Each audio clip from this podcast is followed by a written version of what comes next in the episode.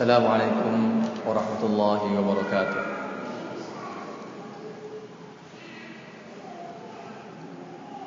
الحمد لله رب العالمين وبه نستعين نصلي ونسلم ونبارك على محمد وعلى آله وصحبه ومن تبعهم بإحسان إلى يوم الدين. وبعد Pagi ini para ikhwah Jazakumullah khair memberikan waktu khusus untuk ummahat atau akhwat atau nisa atau ibu-ibu kaum wanita kajian khusus untuk kaum ibu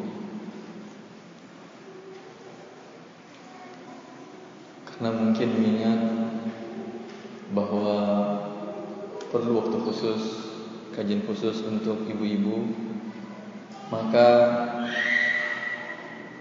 agar manfaat lebih besar karena pembahasan tentang muamalat kita katakan luas seluas lautan dan tak bertepi maka sangat susah kalau kita ingin membahas seluruhnya dengan rinci dan detail.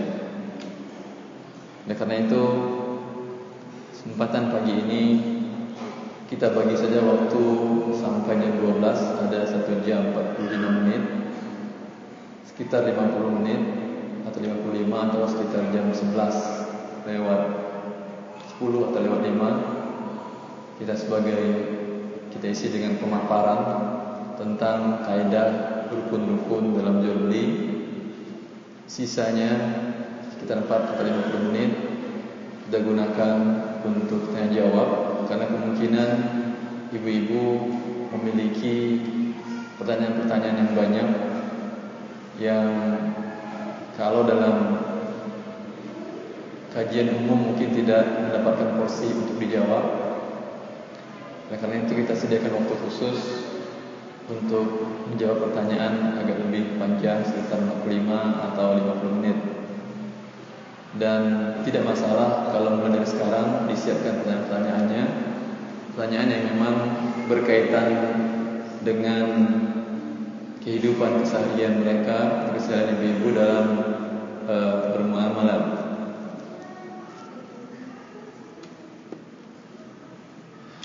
Akan kita jelaskan rukun-rukun dalam jual beli.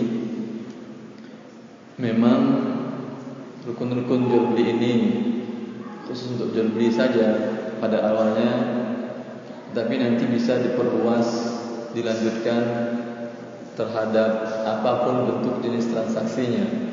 Tidak mesti harus jual beli. Rukun-rukun ini mesti ada dalam setiap transaksi muamalah dan persyaratannya juga harus terpenuhi. Pertama, yang jelas keseharian ibu-ibu tentu tidak akan luput dari transaksi jual beli. Yakin dalam sehari kita melakukan transaksi jual beli mungkin lebih dari sekali. Di rumah tidak ada gula, kita ingin membuatkan air teh atau kopi untuk suami ternyata gula habis dan pergi beli gula ke warung. Ini transaksi jual beli. Ketika beras habis ketika ingin memasak siang walhasil tidak luput. Hari kita tidaklah berlalu sebuah satu hari melainkan pada hari itu kita melakukan transaksi jual beli. Sangat naif rasanya sangat menyedihkan rasanya keseharian kita ini bergelut dengan transaksi ini dan kita tidak mengetahui rukun dan persyaratannya. Karena jika kita tidak mengetahuinya, sangat besar kemungkinan akan terlanggar akan terlanggar hal-hal yang dilarang oleh Allah Subhanahu wa taala dalam jual beli tersebut. Maka tidak menutup kemungkinan akan terjadi riba mungkin dalam transaksi itu atau transaksi tidak sah. jual beli tidak sah. Akibat dari jual beli tidak sah yang tidak terpenuhi rukun dan syaratnya perpindahan barang dan uang kedua belah pihak tidak diakui oleh Allah Subhanahu wa taala. Artinya, walaupun uang telah kita berikan, barang telah kita ambil, status mengambil barang ini dianggap al-ghasab atau rampasan. Harus dikembalikan kembali atau dibikin akad yang baru kembali agar perpindahan tersebut menjadi halal. Maka di sisi, di dari sisi ini sangat penting untuk diperhatikan dan untuk dipahami dengan baik syarat dan rukun, rukun dan syarat sahnya sebuah jual beli. Jual beli adalah tukar menukar barang dengan uang bisa. Kita punya uang butuh barang kita tukar uang kita dengan barang. Jual beli namanya. Juga bisa barang ditukar dengan barang. Kita punya barang punya beras tidak punya uang. Ingin beli semen tidak masalah boleh kita tukar beras yang kita miliki dengan semen. Juga termasuk dalam jual beli sebetulnya tukar menukar uang dengan uang. Dinamakan juga dengan saraf. Dan lebih diperketat memang tukar menukar uang dengan uang ini. Peraturan kaidah Islam lebih diperketat untuk tukar menukar uang mungkin kita terbayang tukar menukar uang ah, saya nggak punya falas tidak punya dolar tidak punya real tidak punya punya ringgit bukan itu saja tukar menukar uang tukar rupiah dengan rupiah seperti contoh yang kita jelaskan beberapa hari yang lalu kita orang beli barang ke kita dan tidak punya uang recehan untuk mengembalikannya. Kita tukar ke sebelah. Itu juga bagian dari tukar menukar uang. Ya. Atau pada saat bulan lebaran atau kita ingin memberikan pecahan tertentu kepada anak-anak, kepada saudara agar sama dan agar bagus baru kita tukar ke pihak yang lain. Itu juga bagian dari tukar menukar uang dan juga bagian dari jual beli. Tapi namanya khusus dinamakan dengan sorof karena hukumnya berbeda dari yang lainnya. Termasuk juga dalam jual beli, walaupun namanya khusus nantinya adalah tukar menukar jasa dengan barang atau jasa dengan uang. Seorang ibu membutuhkan kebutuhan untuk diri dan anaknya umpamanya. Seperti suami jauh dan telah mengirimkan belanja dan dia butuh cepat untuk kebutuhan diri dia dan anaknya. Maka dia memberikan jasa ke sebuah keluarga dengan cara mungkin mencucikan pakaiannya, Ya, ini diberikan adalah jasa. Kemudian bisa jadi yang pengguna jasa dia memberikan uang. Bisa jadi juga barang yang diberikannya. Barang yang diberikannya seperti dia mengatakan kerja pada saya dan cuci pakaian keluarga kami. Ya. Kemudian setiap harinya kami beli beras sekian kilo. Ini juga termasuk bagian dari jual beli. Walaupun nama khususnya adalah ijarah untuk tukar menukar jasa dengan barang. Begitu juga boleh tukar menukar jasa dengan jasa. Ya, jasa dengan jasa. Ini juga dinamakan jual beli. Setiap akad ini jadi akad itu bukan khusus untuk akad nikah saja tidak. Setiap transaksi muamalah dinamakan akad. Dia memiliki rukun bagian yang tidak dapat terpisahkan dari sesuatu itu dinamakan rukun. Rukun dari jual beli tentu ada orangnya, kemudian ada transaksinya atau akad dinamakan, kemudian ada objek atau barang atau jasa atau uang yang dipertukarkan.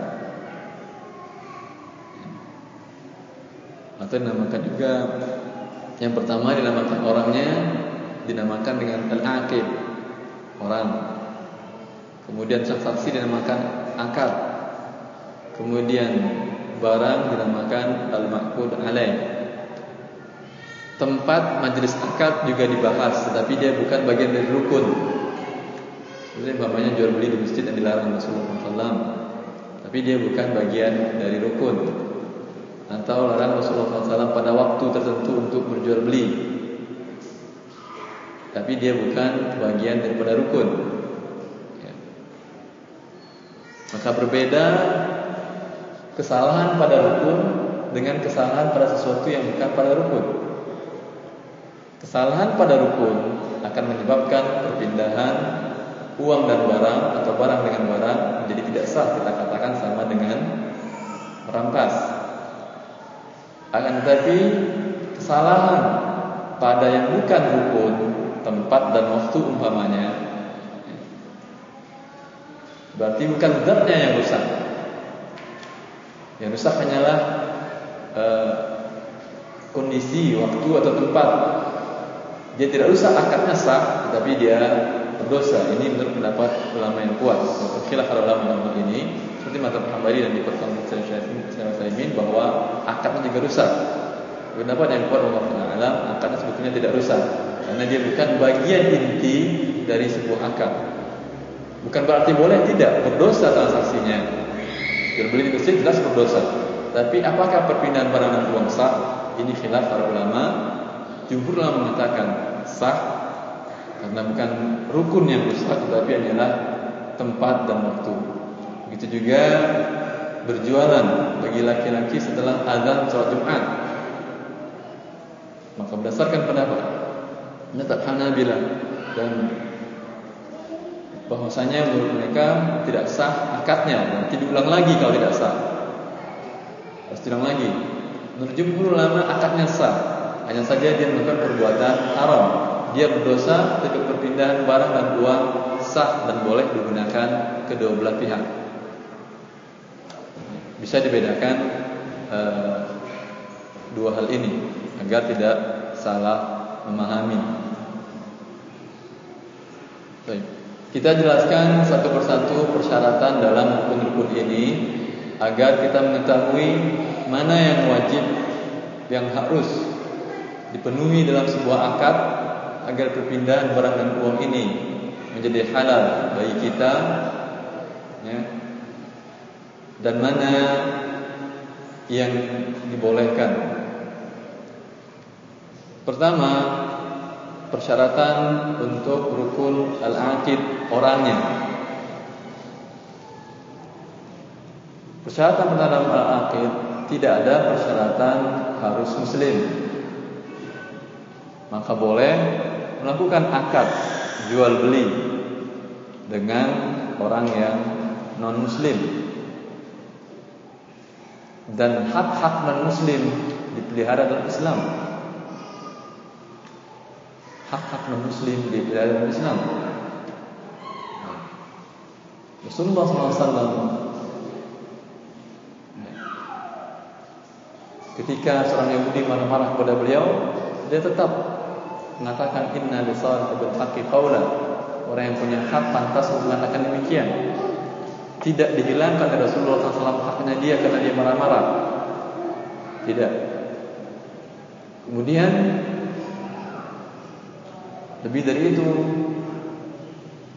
Allah mengatakan wala yajrimannakum syana'an qaumin ala alla ta'dilu i'dilu huwa aqrabu lit-taqwa Ini sangat penting diperhatikan bahwa jangan karena dia non muslim kemudian kita zalimi hak-hak dia. Ketika dia membeli kita jual dengan harga yang tidak benar atau dijual barang yang rusak, tidak boleh mengambil hak mereka dengan cara yang batil juga tidak boleh menganiaya mereka. Khalid Dr. Khalid Asyaya pernah berkisah langsung dan saya mendengar langsung dari beliau berkisah dan beliau salah seorang murid dari Syekh Abdul Aziz bin Baz rahimahullah. Beliau berkisah tentang seseorang yang masuk Sunni sebelumnya Syiah karena melihat mendengar jawaban Syekh dalam salah satu majelisnya. Di waktu itu yang dipahami oleh orang Syiah dan yang ada di benak mereka bahwa orang sunnah itu membenci mereka sebenci-bencinya sehingga tidak mengapa hak mereka dizalimi seperti orang Syiah memahami orang sunnah menyikapi orang sunnah. Boleh dirampas hartanya boleh dibunuh dan segala macam. Itu yang tertanam di benak orang Syiah ini. Tetapi ketika dia hadir di majlis Aziz bin Baz rahimahullah di waktu itu ada yang bertanya kepada Syekh. Ya Syekh, saya diamanahi oleh instansi saya untuk menerima calon pegawai. Lalu dari seleksi akhir ada dua calon yang lulus, tetapi saya hanya memilih salah satu orang saja. Lalu yang satu Sunni, yang satu saya tahu Syiah. Akan tetapi nilai Syiah ini lebih tinggi. Lebih berhak dia untuk memegang masuk memilih jabatan tersebut. Bolehkah ya Syekh? Saya pilih yang Sunni, kemudian saya gagalkan yang Syiah? Jawaban Syekh tidak boleh. Allah mengatakan wala yajrimannakum syana'an qaumin ala alla ta'dilu i'dilu wa aqrabu littaqwa. Kata Allah, janganlah kebencianmu kepada suatu kaum menyebabkan kamu tidak berbuat adil kepada mereka. Berbuat adillah. Mendengar jawaban bijak dari Syekh ini berdasarkan firman Allah Subhanahu wa taala mengajarkan kepada kita untuk berbuat adil sekalipun kepada musuh kita tergugah hati Syiah ini dan dia meninggalkan agamanya agama Syiahnya. Karena ternyata dia melihat keadilan dalam agama dalam dalam sunnah Rasulullah SAW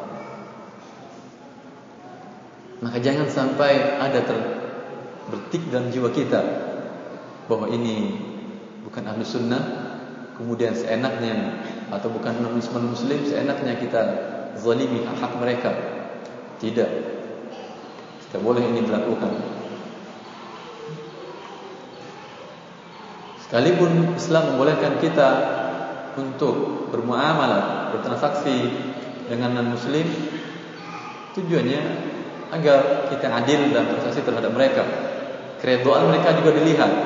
Saling redo antara kita dan mereka juga dilihat. Tidak boleh dipaksa mereka. Hak hak mereka mereka dilindungi oleh Islam, oleh agama yang mulia ini. Ya. Ini persyaratan pertama pada akid bahwa tidak disyaratkan dia harus muslim. Rasulullah SAW bermuamalah transaksi dengan orang-orang yang non muslim dengan orang Yahudi yang tidak bermasalah. Boleh. Maka himbauan untuk memboikot sebuah produk umpamanya kalaulah bukan berasal dari waliul amr tidak wajib untuk kita patuhi bila kita ternyata membutuhkan produk tersebut kecuali ketetapan dari waliul amr agar kita tidak membelinya itu baru kita merangkap mentaati waliul amr dan tidak berbuat maksiat kepada Allah tapi sekedar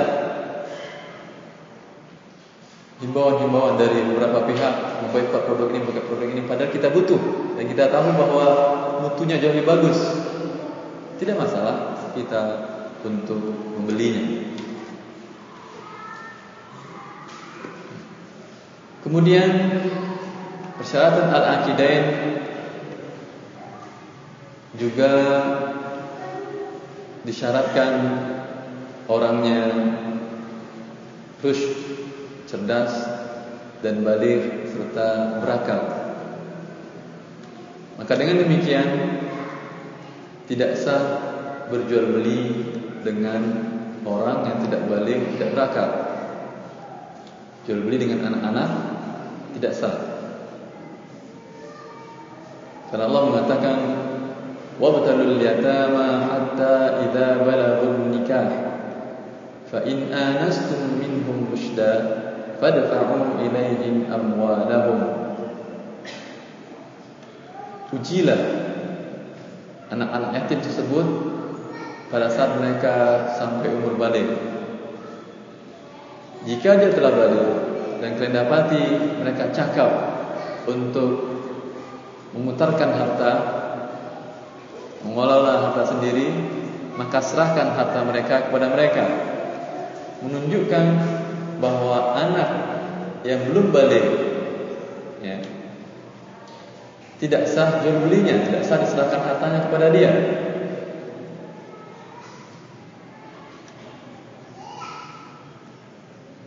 Dengan demikian jual beli anak-anak hukumnya tidaklah sah. Lalu bagaimana dengan anak-anak yang diberi jajan untuk belanja di sekolah atau belanja di warung? Dalam hal ini ada ijma para ulama dari masa ke masa bahwasanya untuk jual beli yang muhaqqarat sesuatu yang sifatnya barang kebutuhan anak-anak dan harganya murah seperti jajan senilai 2000 atau 5000 umpamanya kebutuhan mereka di sekolah ini hukumnya dibolehkan dikecualikan dari keumuman firman Allah Subhanahu wa taala yang dari sana kita tahu bahwa tidak boleh jual beli dengan anak-anak. Berdasarkan ijma dan beberapa asar berdasarkan dari sahabat bahwa Abu Darda anhu pernah membeli seekor burung kepada seorang anak-anak. Lalu dibelinya dari anak-anak tersebut dan dilepaskannya. Lihat bijaknya sahabat Rasulullah SAW ini dia menghargai hak anak-anak ini karena dia burung itu milik dia. Tidak sekedar dinasihati, hai anak lepaskan burung ini kamu menyiksanya, mana orang tuanya misalnya tidak. Burung ini telah dapat sama dia hak dia. Kalau dia ingin melepaskan dengan cara begitu, hargai hak anak ini, mengajarkan anak menjadi dewasa. Tidak sekedar oh kamu buang-buang tidak, haknya dia dihargai. Dibeli, setelah dibeli kalau anda melepaskan silahkan. Karena hak yang mubah untuk menangkap dan melihara burung ataupun sekalipun untuk disembelih. Hak yang mubah. Islam tidak melarangnya. Kalau sekedar menganjurkan, itu tidak masalah. Tapi jangan dipaksa anak itu untuk menghilangkan haknya karena dia anak-anak. Bagaimana kita mengetahui seseorang anak telah balik? Tentu dengan tanda-tanda balik. Baik. Kalau tidak ada tanda-tanda balik sama sekali, dengan apa kita ketahui dia telah balik? Dengan umur. Berapa umur seorang anak-anak dikatakan dia telah balik? Tidak ada tanda-tanda sama sekali. Berapa umurnya kira-kira? 15 tahun. 15 tahun dan bukan 17 tahun. 15 tahun. 15 tahun bulan apa ini? Bulan Qamariyah perbedaan antara tahun Masehi dengan bulan Qamariyah. Setiap tahunnya berbeda sekitar 11 hari. Maka hitung saja sekitar 14 tahun setengah kalau ada hitung kelahiran anak dengan bulan Syamsiyah. Pengaruhnya apa? Jangan kita sebagai orang tua terledor dalam hal ini. Anak sudah cukup genap umurnya 15 tahun Qamariyah. Tapi dia belum haid umpamanya atau berbilang dia mimpi basah namanya laki-laki. Maka bagi ibunya harus perhatikan ini karena saat itu anak sudah balik, semua tanggung jawab dipikul dia bahwa dia tidak sholat sudah menjadi dosa bagi dia. Dia berbuat sesuatu sudah menjadi dosa bagi dia bila melanggar Allah. Bila dia berpahala untuk dia lagi Perlu ditekankan, perlu perhatikan dengan baik hal ini Kapan anak mulai balik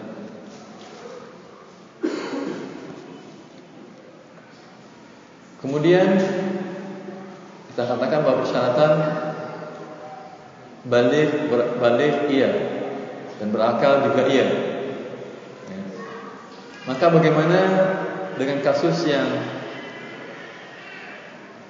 terjadi umpamanya seorang ibu karena sibuk mengurus anak yang bayi di rumah lalu mengutus seorang anaknya yang belum balik dengan ditulis catatan belanjaan segini dan berikan uang kepada anak tersebut untuk belanja di warung terdekat. Kita katakan bahwa jual beli anak-anak tidak sah. Tapi dalam kasus ini, apakah sah jual beli anak-anak tersebut? Sah atau tidak kira-kira? Sah. Karena anak ini dia bukan menjual beli. Yang melakukan akad adalah antara si ibu dengan si pemilik warung. Anak-anak ini hanya sekedar utusan. Dia membawa uang dan membawa kertas dari ibunya. Kemudian diberikannya ke tukang warung dan dilihat oleh tukang warung, kemudian dimasukkan ke plastik dan diambil uangnya dan dikembalikan. Pada saat itu baru ijab dari si tukang warung dan anak-anak tidak menerima atau melakukan kabul dari akad tersebut. Setelah sampai di rumah, si ibu melihat ternyata cocok, ternyata cocok, maka akad ketika itu baru menjadi sah. Berarti akad antara si ibu dengan si pedagang warung. Kalau si ibu tadi belum meredoi ini, ya, ternyata namanya harganya tidak seperti yang ditulis dia, karena harga naik atau apa yang terjadi namanya dengan kenaikan harga. Lalu si ibu datang ke warung tadi mengatakan, ini saya tidak setuju harganya. Maka tidak ada hak bagi tukang warung kan sudah dibeli anak ibu tadi. Tidak. Karena status anak hanya sebagai utusan. Dia bukan beli, jual beli dengan dia tidak sah jual beli anak-anak. Maka boleh dia menukarkan kembali dan hak dia. Mana masih khiyar, masih dalam tahap masih status bis, e, di pemilihan untuk melanjutkan atau membatalkan akad jual beli ini. Baik. Kemudian ini persyaratan para al-akiden. Persyaratan dalam akiden juga bahwa dia melakukan sebuah transaksi jual beli tidak dalam keadaan terpaksa. Kalau dia terpaksa maka tidak sah jual belinya. Tidak sah jual belinya. Dan maksud dengan dipaksa adalah salah satu pihak baik pembeli maupun penjual mengancam.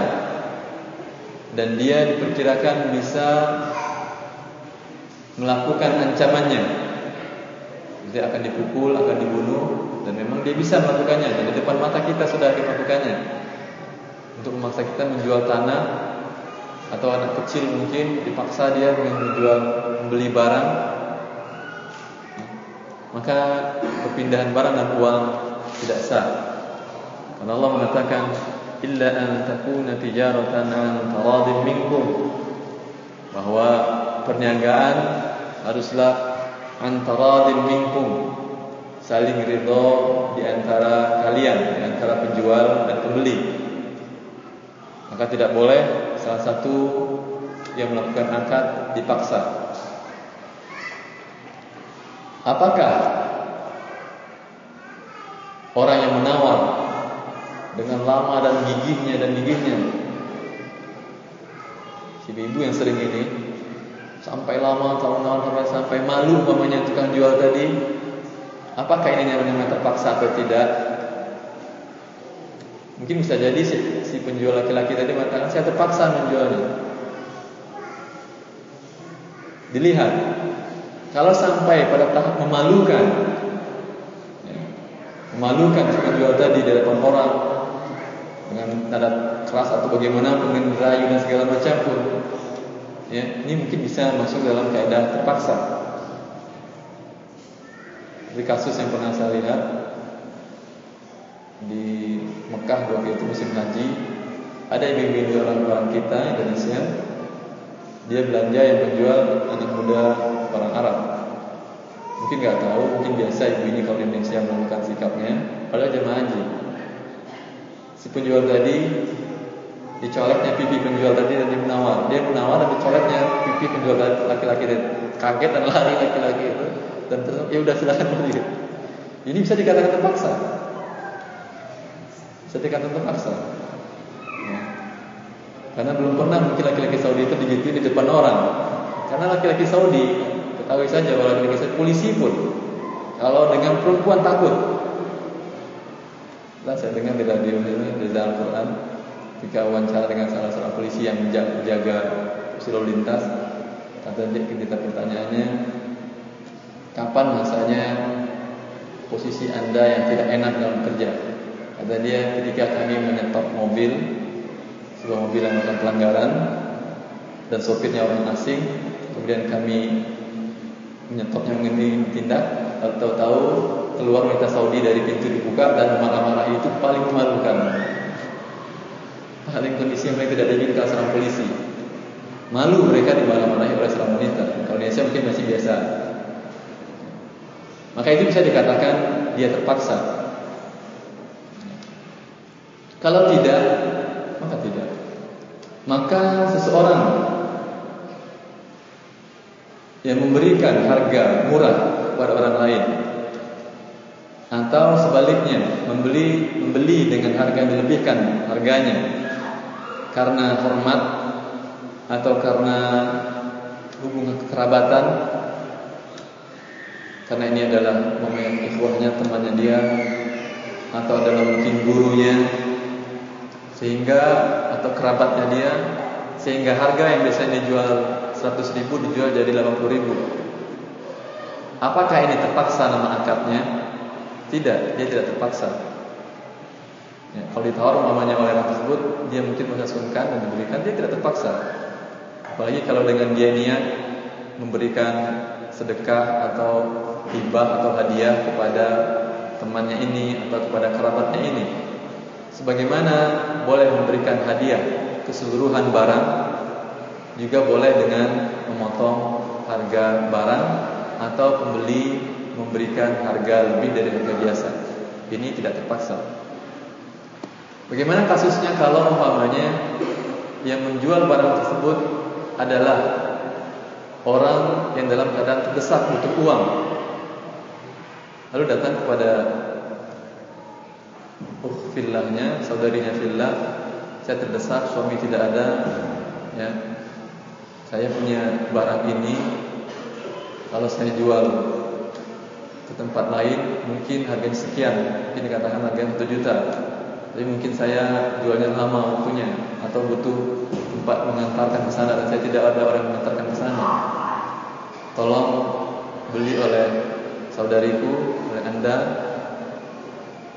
dan harganya saya turunkan menjadi harga 500 ribu rupiah. Apakah kita boleh membeli dari saudari ini? Apakah kita terpaksa namanya atau dia terpaksa namanya? Tidak. Ini bukanlah termasuk jual beli yang terpaksa. Akadnya boleh. Tidak ada yang maksa saudari kita ini kecuali dirinya sendiri. Yang maksud terpaksa di sini adalah salah satu pihak memaksa pihak lain. Tapi kalau dia sendiri yang terpaksa keadaannya terjepit, maka tidak dinamakan jual beli terpaksa dan akad jual belinya sah. Tetapi bagian dari nasihat menasihati sesama kaum muslimin dan nasihat bagian dari agama kita sebaiknya berikanlah pinjaman ya dengan fat hasan dengan pinjaman tanpa menarik bunga atau kelebihan dari harga pinjam tersebut dan jadikan barang dia tadi sebagai jaminan. Sebagai jaminan. Ya, minta dia menjual dengan harga pelan-pelan tapi dapat harga yang pas, nanti jual dan kembalikan uangnya atau pinjamannya. Ini bagian dari nasihat saling menasihat menasihati bagi agama karena Allah Subhanahu wa taala bagian dari kesempurnaan keimanan kita. Karena bayangkan bila kita yang merasakan mendapatkan kondisi demikian, itu kita menginginkan saudara-saudara kita yang lain melakukan hal yang sama pada diri kita. Jadi kata Rasulullah SAW, la yufinu ahadukum hatta yuhibba li akhihi ma yuhibbu li. Ya. Tidak sempurna keimanan salah seorang kalian hingga dia mencintai untuk saudaranya apa yang dia cintai untuk dirinya sendiri. Banyak sih bentuk lain dari bentuk akad yang seperti yang terpaksa, tapi tidak bagian dari terpaksa. Tapi tetapi kaedahnya yang dimaksud dengan terpaksa adalah terpaksa dipaksakan oleh pihak yang lain, bukan kita dipaksa oleh keadaan kita sendiri. Ya maka itu namanya tidak terpaksa. Rukun yang lain adalah akad atau sir akad atau bentuk akad harus ada ijab dan kabul dalam jual beli. Harus ada ijab dan kabul. Maka tidak boleh ambil barang dari rumah orang, taruh uang di sana, kemudian kita berlalu. Tidak halal perpindahan barang dan uang ini. Karena tidak ada akad ijab dan kabul. Ya. Karena siapa tahu dia tidak maksud menjual barang tersebut maka persyaratan sahnya sebuah akad jual beli harus ada ijab dan kabul. Lagi butuh umpamanya sayuran, tidak ada sayuran di rumah dan di sebelah ada kebun tetangga, lalu asal main petik saja daun singkongnya, kemudian taruh uang di bawah pintunya. Perkirakan agak segini tidak sah, sama dia dengan merampas. Karena persyaratan jual beli harus ada ijab dan kabul. Ijab adalah salah satu pihak menyerahkan barang, salah satu pihak menerima barang dan menyerahkan harga dari barang tersebut. Para ulama sepakat bahwa ijab dan kabul dengan menggunakan kata-kata jual belinya sah. Kalau tadi dia datang kepada tetangganya dan mengatakan untuk pintu saya butuh sayur sekitar namanya sekian satu ikat atau dua ikat perkiraan ikat biasa. Ya. Dan berapa harganya? Harganya ada harga harga biasa sekian namanya 2000 atau 3000 atau 5000 dan dia mengatakan iya saya jual. Jadi dia mengatakan saya beli. Sah perpindahan barang dan uang tersebut dengan menggunakan kata-kata lafaz ijab dan kabul. Dan ini disepakati oleh para ulama. Bagaimana kasusnya kalau ijab dan kabul ini diam-diam saja tanpa ada kata-kata?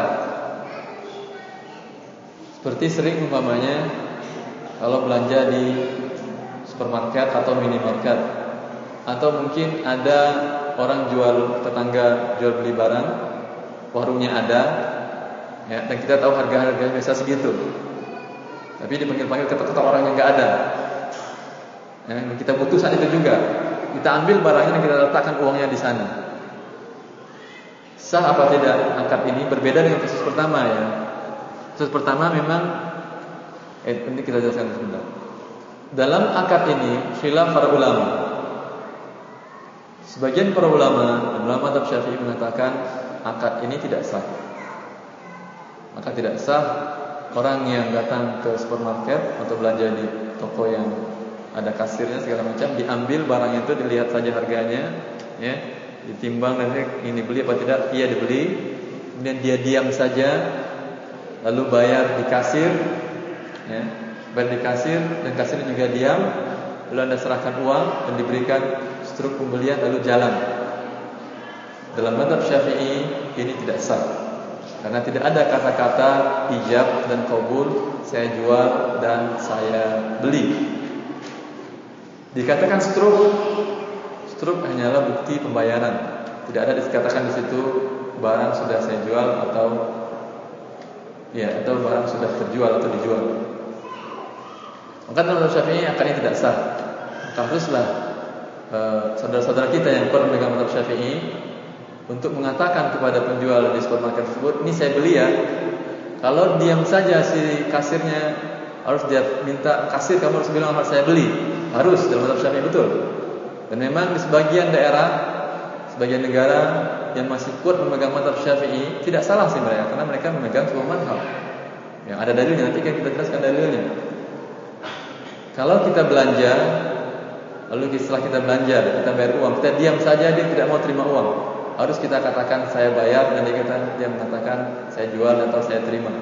Harus. Kalau tidak tidak akan selesai akad di hari itu. Dalil dari madhab Syafi'i ini firman Allah Subhanahu wa taala. Illa an takuna tijaratan an taradin minkum.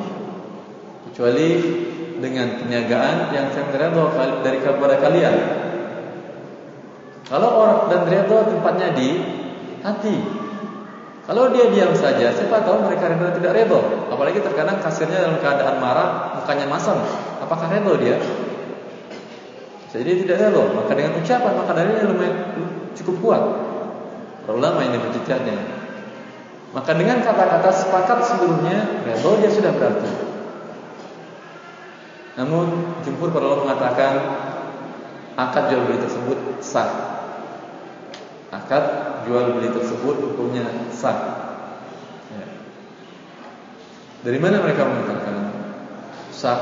Dalilnya yang sama, firman Allah Subhanahu wa taala, "Illa an tijaratan an taradin minkum." Kecuali perniagaan yang kalian saling redha. Keredaan bisa diketahui dengan kata-kata, juga bisa diketahui dengan sikap. Apa artinya seorang pengusaha menyewa gedung yang mahal dan dibeli perlengkapan fasilitas yang bagus, menyewa kasir, menyewa orang-orang untuk meletakkan barang-barang di rak dan menempelkan harga. Apa artinya itu? Dia redha untuk dijual. Berbeda kasus daun singkong di kebun tadi. Kalaulah diikatnya dan ditaruhnya di tempat rumahnya dan biasa dia jual beli di situ, bisa namakan ini ijab. Walaupun dia diam saja, Ya. Kalau masih di pohonnya, tidak dari mana dia ijab masih di pohon? Bisa dibedakan ini. Maka kata para ulama jumhur mayoritas para ulama bahwasanya keredaan bisa diketahui dengan perbuatan. Ketika anda melihat, memilih dan melihat dan menimbang ketika sebelum dibayar, redha anda berarti untuk membelinya. Dan ketika anda membayar berarti anda juga redha untuk membayarnya. Dan tidak satu pun nas yang menjelaskan keredaan harus dengan kata-kata. Maka yang penting keredaan. Bila redha dengan perbuatan cukup sudah dikatakan mereka saling redha dalam sebuah transaksi tersebut. Kita lanjutkan persyaratan selanjutnya yaitu persyaratan untuk rukun maqbud alaih barang yang diperjualbelikan. Ya, berarti masalah yang tadi masalah apa? Masalah akad ijab dan kabul tadi untuk jual beli yang tidak ada orangnya seperti umpamanya ada kan mesin minuman harus saja uang kemudian kita tekan tombolnya ya. maka dalam madhabnya ulama jual belinya sah dalam madhab syafi'i tidak sah harus anda katakan kepada mesin saya beli wahai mesin itu mesinnya bisa jawab berarti tidak sah jual beli jangan beli di sana cari yang ada orangnya yang bisa mengucapkan kata saya jual dan saya beli ya dan kiaskanlah selanjutnya untuk jenis akad-akad yang lain yang harus diucapkan kata-kata saya jual dan saya beli baik dengan kata-kata langsung atau ditulis di atas kertas juga bisa. Persyaratan selanjutnya persyaratan untuk rukun al-maqud alaih atau objek barang yang diperjualbelikan.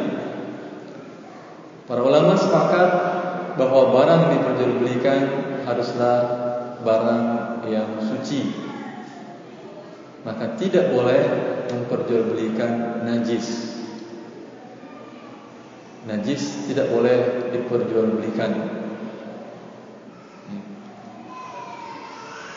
Di antara najis adalah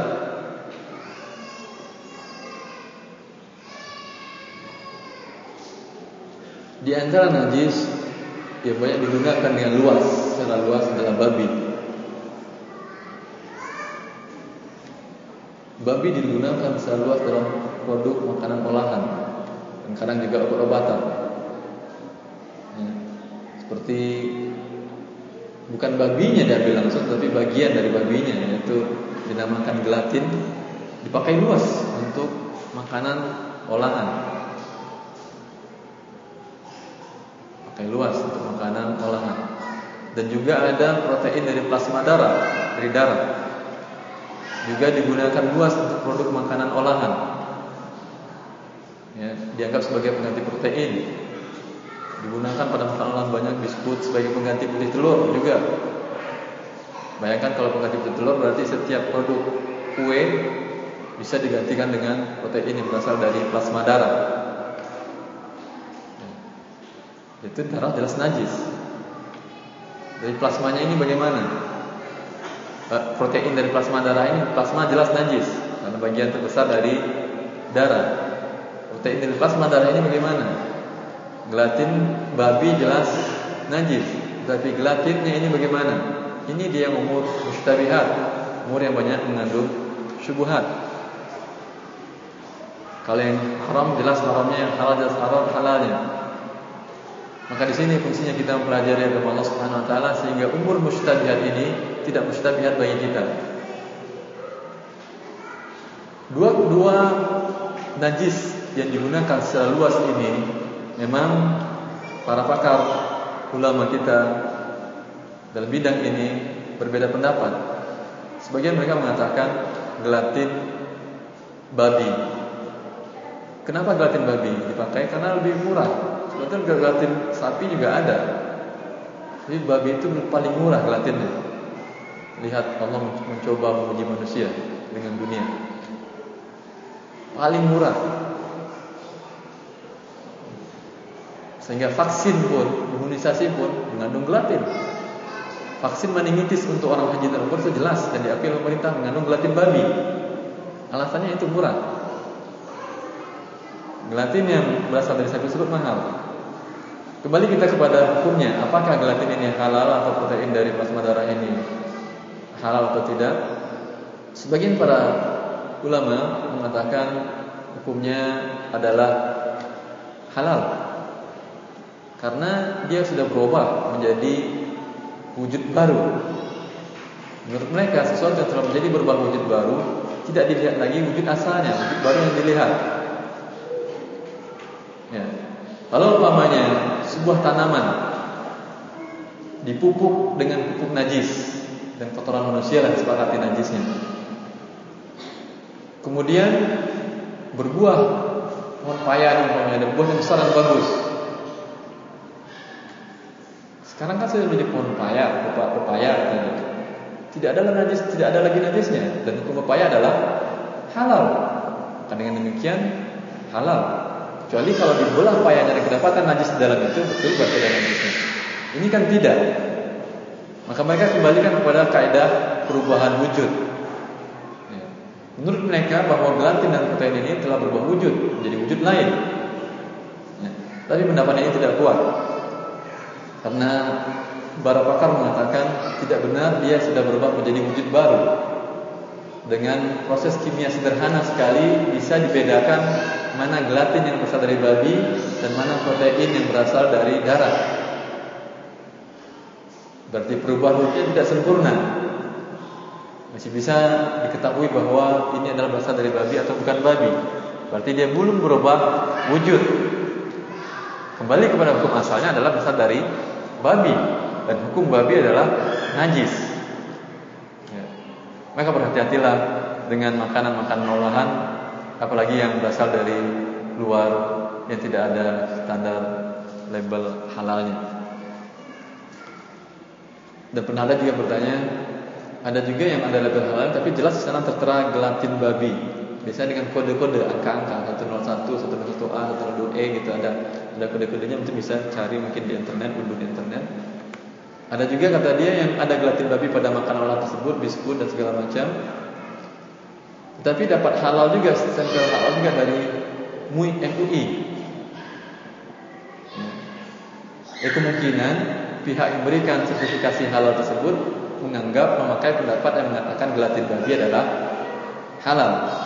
Ya, maka bagi anda mengetahuinya tidak boleh memperjualbelikan benda ini.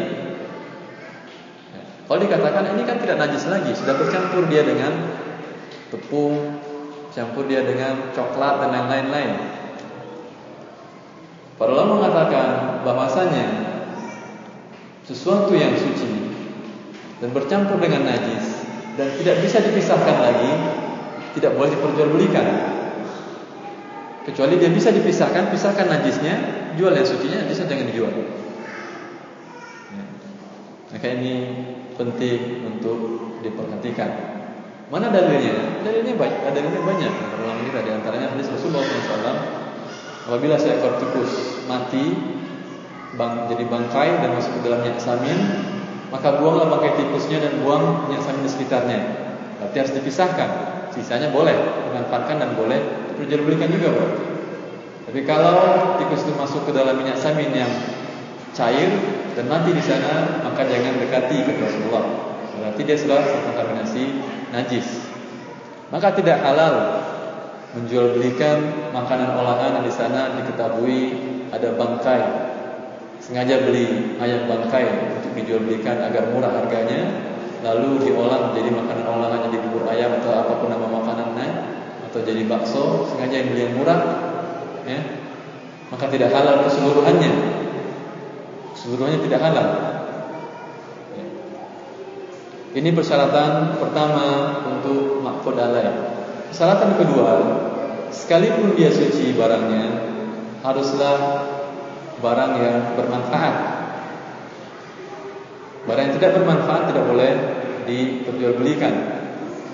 Dan manfaat yang dimaksud adalah manfaat yang mubah. Dia mengatakan, saya mendengarkan alunan musik ini, perasaan saya jadi segar dan terang, bisa berbuat lagi, bisa bisa berpikir kembali. Ada manfaatnya bagi saya. Betul ada manfaatnya, tapi manfaatnya diharamkan. Juga tidak boleh diperjualbelikan kaset-kaset dan alat-alat musik tersebut dan apapun media yang di sana menyimpan hal-hal yang haram ini. Keharaman alat musik itu Ibnu Rajab mengatakan ijma para ulama sebelum ada khilaf dari Ibnu Hazmi.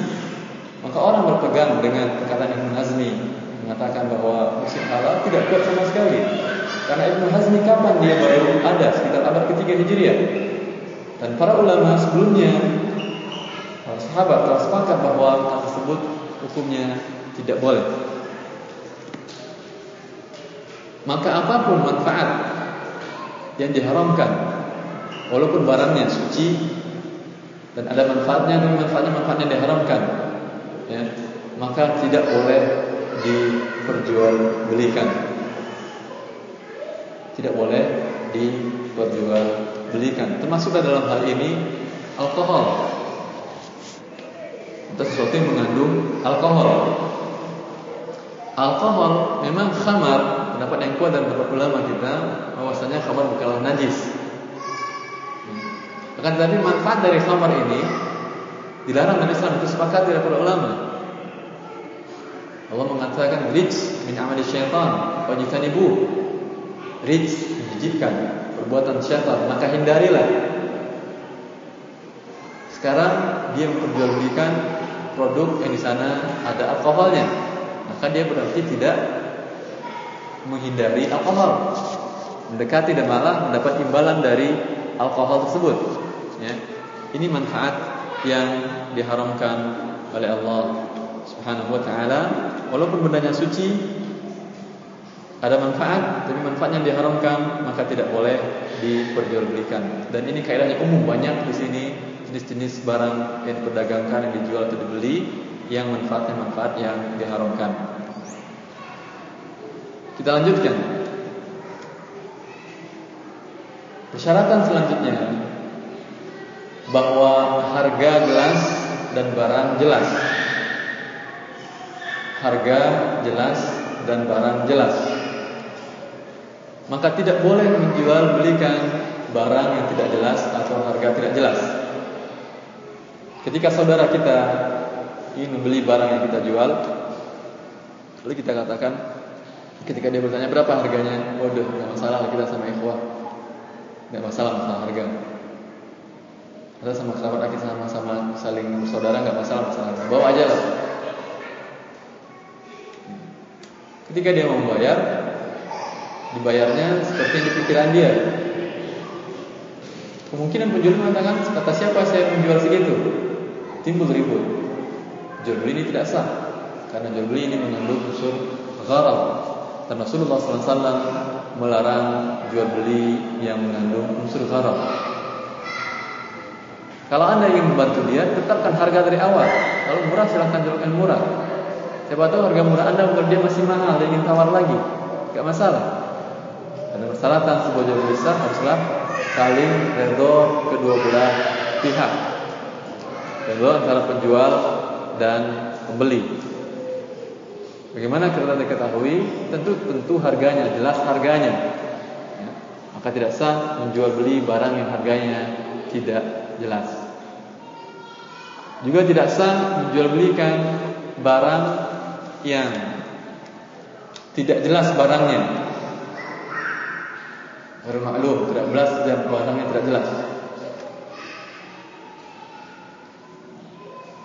Kejelasan sebuah barang bisa dengan melihatnya itu jelas. Ketika dilihat jelas sudah barangnya. Kalau tidak dilihat barangnya ada di rumah. Hanya dijelaskannya saja sifat-sifat dari barang tersebut. Motor umpamanya dijelaskan tahun sekian tahun sekian. Dan pembeli ini belum pernah melihat motor yang akan kita jual itu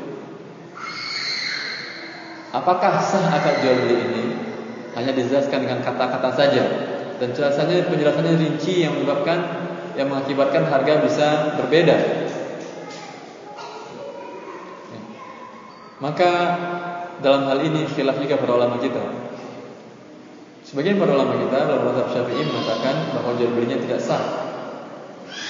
Karena ini mengandung unsur gharar, harus dilihat barangnya, tidak cukup dengan penjelasan kata-kata. Mayoritas para ulama mengatakan jual belinya sah. Karena penjelasan dengan kata-kata sama artinya dengan penjelasan tidak langsung. Ya. Melihat langsung dengan kata-kata sama. Ya. Dengan demikian, maka jual belinya menjadi sah menurut pendapat mayoritas ulama sekalipun dia belum pernah melihat barangnya. Maka sah jual beli barang yang masih dalam kotak, kemudian kotak di luar kotak dijelaskan rincian serinci-rincinya dan kita baca dan kita tahu atau kita tanya langsung kepada penjual barang. Ya. Maka jual belinya sah menurut pendapat mayoritas para ulama. Menurut pendapat Syafi'i tidak sah. Harus anda buka dulu, anda lihat dulu barangnya. Ya. Kalau dia tidak mau buka ya jangan jual beli. Namanya seperti ada beberapa jenis barang, buku mamanya. Kalau terbuka plastiknya orang menganggap biasanya bukunya bekas dan biasanya penjual tidak mau dibuka. Tapi dia jelaskan bahwa dan dia bikin contoh satu contoh buku yang lain yang tadi jelaskan dengan kata-kata jelas isinya, ya. Maka dalam Syafi'i tidak sah bawa begitu saja dibayar dan dibawa masih dalam bungkus plastik. Menurut jumhur para ulama jual belinya sah. Ya, tetapi pembeli mendapatkan khiyar ru'yah. Bila ternyata nanti tidak cocok penjelasan yang dijelaskan dia dengan isinya, hak dia untuk mengembalikan barang tersebut.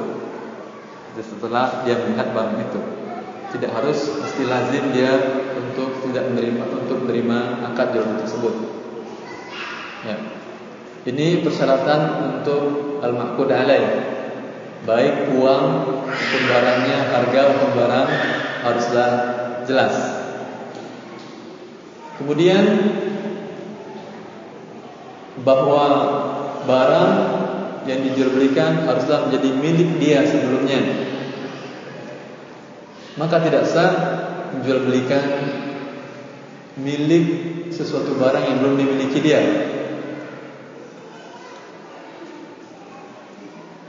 Orang meminta barang atau dia kasus yang terjadi lah namanya dengan melalui via internet sana dijelaskannya spesifikasi barang, sifat barang, kemudian terkadang disertai dengan gambar. Kemudian barangnya belum ada sama dia.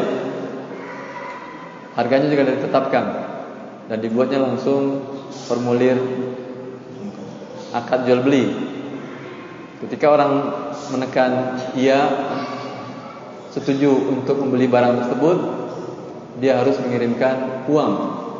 Setelah uangnya dikirim, baru dibelinya barang. Tidak sah akad jual beli ini. Karena ini dia menjual barang yang yang bukan jadi milik dia.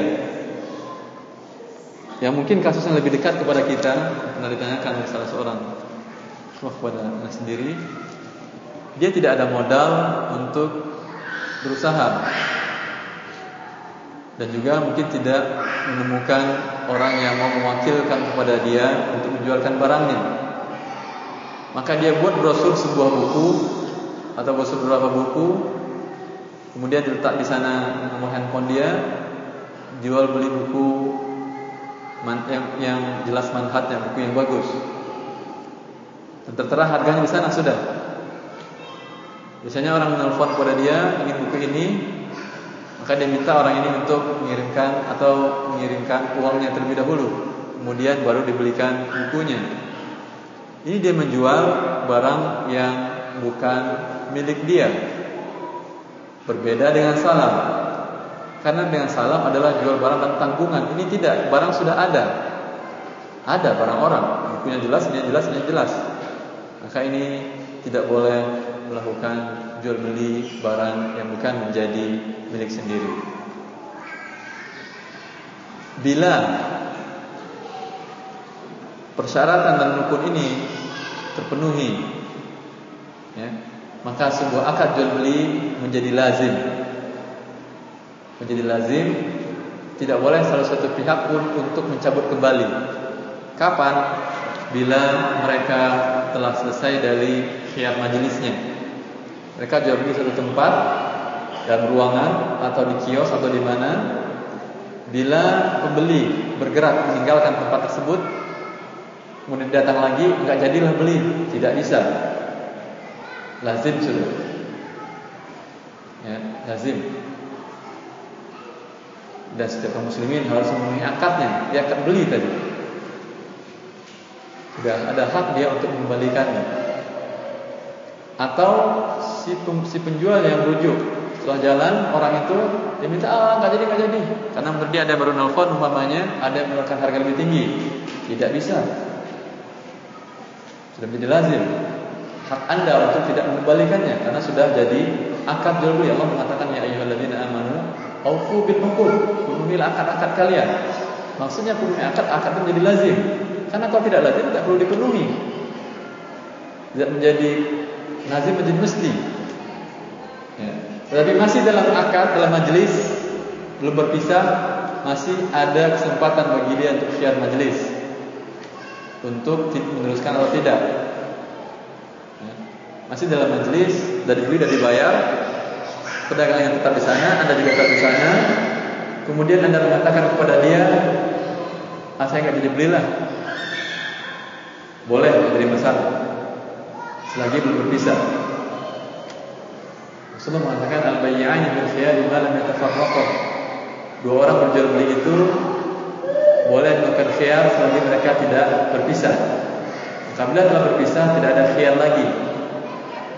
Maka Umar radhiyallahu anhu bila dia berjual beli, dia menjual atau membeli, setelah dia melakukan akad, dia berjalan meninggalkan majlis tersebut, kemudian datang lagi ke tempat majlis itu menunjukkan bahwa akad menjadi lazim.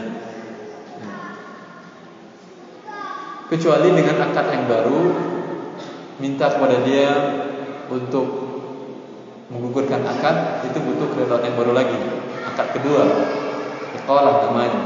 Tapi yang akad pertama lazim ya, tidak boleh rujuk dia kecuali dengan keridhaan yang baru ya. Kecuali bila ada barang cacat barang atau boleh dikembalikan karena ada aib atau mereka mempersyaratkan penjual atau pembeli mensyaratkan masa tangguh selama beberapa hari untuk bisa mengembalikan atau menarik barang. Ya. Semoga ini bermanfaat pemaparan tentang rukun dan syarat jual beli. Dengan demikian, bila sebuah jual beli terlalu jual beli terpenuhi rukun dan persyaratannya, maka perpindahan barang dan uang kepada pihak yang lain hukumnya menjadi lazim dan menjadi sah dan keuntungan bagi kedua belah pihak dibenarkan dalam Islam dan semoga diberkahi dalam hal tersebut. Ya, qulu qawli hadza wa Assalamualaikum warahmatullahi wabarakatuh. Silakan Ibu pertanyaannya.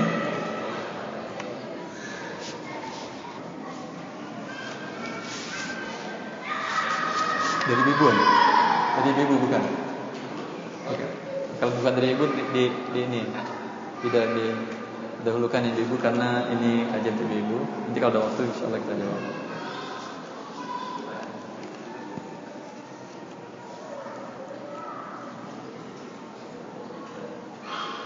Alhamdulillah wahda. Wassalatu wassalamu ala man la nabiya ba'da. Wa ala alihi wa sahbihi wa wala wa ba'd. Pertanyaan pertama Saya memiliki uang sebesar 1 juta rupiah Dan saya ingin menukarkan uang tersebut menjadi seribuan kepada seseorang atau instansi. Kan tetapi seseorang atau instansi tersebut memotong 5% dari uang yang ingin saya tukarkan. Bagaimana hukum transaksi tersebut? Ini dinamakan dengan riba bayar Riba bayar. Bila dia mempersyaratkan demikian Ibu tidak boleh melakukan transaksi ini Karena ini transaksi riba bayar. Saya, kira kalau di bank langsung Mereka tidak mensyaratkan Tidak meminta, tidak mengambil ini kan? Tidak, kalau di bank langsung dan tidak masalah tukar menukar di bank riba. Karena akad kita akad yang halal. Akad sorof kita lakukan. Untuk enam komoditi yang dikatakan oleh Rasulullah SAW dua yaitu emas dan perak ini ilatnya adalah samania sebagai alat tukar atau mata uang. Yang empat beras, ah, bukan beras, ada beras besar bahasa itu. Situ. Gandum, kurma, syair, kemudian garam. Ini ilatnya adalah makanan pokok. Agar tidak terjadi riba pada enam komoditi ini, ya, persyaratannya bila yang sejenis emas ditukar dengan emas, perak ditukar dengan perak, Kemudian kurma ditukar dengan kurma dan dapat dikiaskan makanan pokok yang lain seperti beras ditukar dengan beras. Persyaratannya harus dua terpenuhi agar tidak terjadi riba. Harus tunai dan harus sama berat atau takarannya. Beras yang bagus satu kilo tidak boleh ditukar dengan beras yang tidak bagus sekilo setengah. Itu terjadi riba. Maka rupiah uang juga merupakan bagian dari mata uang, dikiaskan dengan mata uang. Yang satu mata uangnya rupiah dengan rupiah, maka untuk agar tidak terjadi riba dalam penukaran ini harus sama nominalnya dan harus tunai. Satu juta harus ditukar dengan satu juta dan harus tunai. Tidak boleh Anda pergi dulu keluar dari tempat itu Kemudian masuk lagi setelah uang diserahkan namanya Karena nunggu antrian lama Atau dia masih sibuk dengan lain Nelfon segala macam Anda pergi keluar Kemudian masuk lagi Tidak sah ini tidak tunai namanya. Karena Anda telah berpisah keluar dari majelis Yang tunai ya dan biarnya harus Anda tunggu di situ dan Anda pegang. Ya. Maka itu dinamakan dengan tunai atau ya dan biadin. Maka untuk pertanyaan ini Jelas ini merupakan riba bayar. Riba yang berlebih mata uang yang sejenis.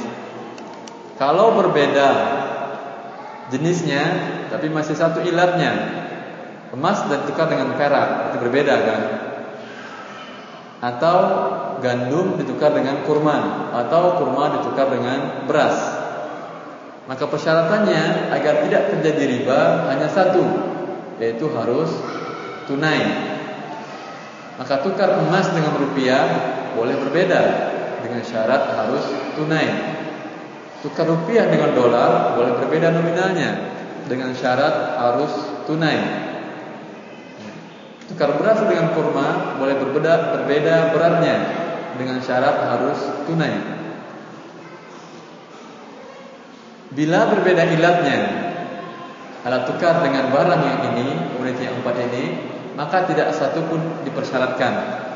Maka boleh membeli beras dengan emas atau beras dengan uang tidak sama beratnya dan tidak tunai. Beras diambil hari ini, uang diambil diberikan hari besok atau dicicil juga boleh.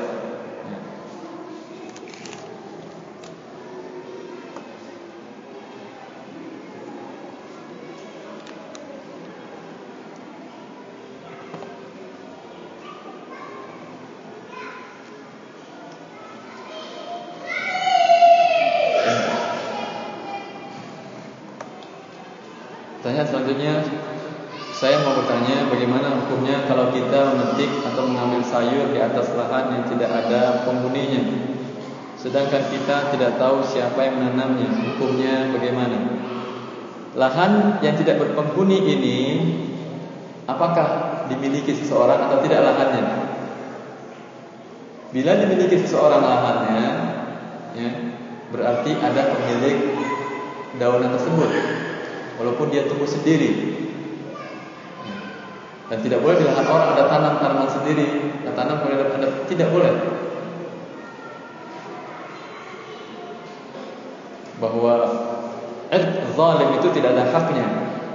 Usaha orang yang zalim itu tidak ada haknya. Maka kecuali di tanahnya tidak ada pemiliknya seperti di jalanan. Tapi kalau ditanam oleh pihak berwenang, pemerintah berarti ada pemiliknya juga. Jelas saya kira ini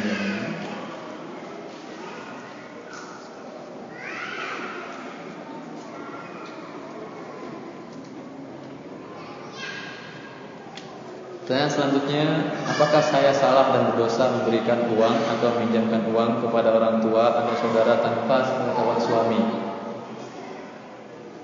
Ya. Ini sebetulnya penting juga diketahui oleh suami permasalahan ini maksud saya. Masing-masing kita suami dan istri memiliki hak atas harta masing-masing. Suami ada hartanya dan istri ada hartanya.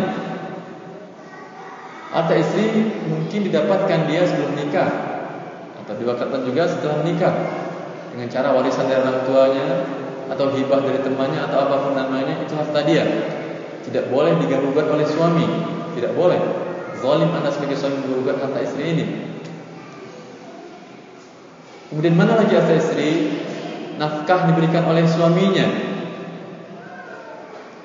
Allah mengatakan liyunfik zu sa'atin min sa'ati. Hendaklah suami tersebut memberikan nafkah sesuai dengan kemampuannya. Maka kewajiban bagi suami memberikan nafkah kepada istrinya Ya, setiap umpamanya sudah mendapatkan rezeki dari Allah Subhanahu wa taala baik harian maupun bulanan, tentukan mana hak istri Anda. Sekian umpamanya ini berbelanja rumah, ini buat anak-anak, ini hak kamu sebagai istri. Memang tidak terlalu jelimet, tidak, tidak terlalu apa, tidak terlalu ribet lah, atau tidak terlalu apa rumit. Penting anda tentukan harta anda. Mana hak istri rumah setiap hari katakan setiap ngasih ngasih uang sekian persen adalah hak khusus kamu. Itu menjadi hak dia. Dan kewajiban bagi anda untuk berikan haknya dia. Dan kalau disimpannya, kemudian banyak, ya, dia tidak perlu minta izin kepada anda karena harta dia. Kasihan kita istri-istri ini, pas sekalian. Padahal dia kita ambil dari orang tuanya. Ya. Rasulullah mengatakan awan alaikum bahwa istri itu adalah tawanan di rumah kita. Dulu dia di rumah orang tuanya, dimanja, kemudian pindah ke rumah kita, jadi tawanan. Kemudian tidak kita berikan hak-haknya dia. Sampai pun dalam masalah rezeki, semuanya harus ngomong kepada suaminya. Tidak, jangan. Ada hak istri bisa bertasarruf dengan demikian. Dia ingin membantu saudaranya umpamanya, ingin membantu orang tuanya. Tapi karena dia tidak punya uang, tidak diberikan, tidak dilakukan suami pada suami berapa haknya dia, harus izin kasihan sekalian. Sehingga berat dia kan. Maka tentukan hak dia setiap, setiap bulan tentukan ada sekian persen untuk kamu. Andai dia umpamanya bisa menyimpan dengan baik dan banyak, ketahuilah kebaikannya juga buat kita juga. Suatu saat kita tidak punya modal, bisa dia menyiapkan modal jadi pembul malnya, pemilik modal dan kita jadi pengelolanya, nggak masalah.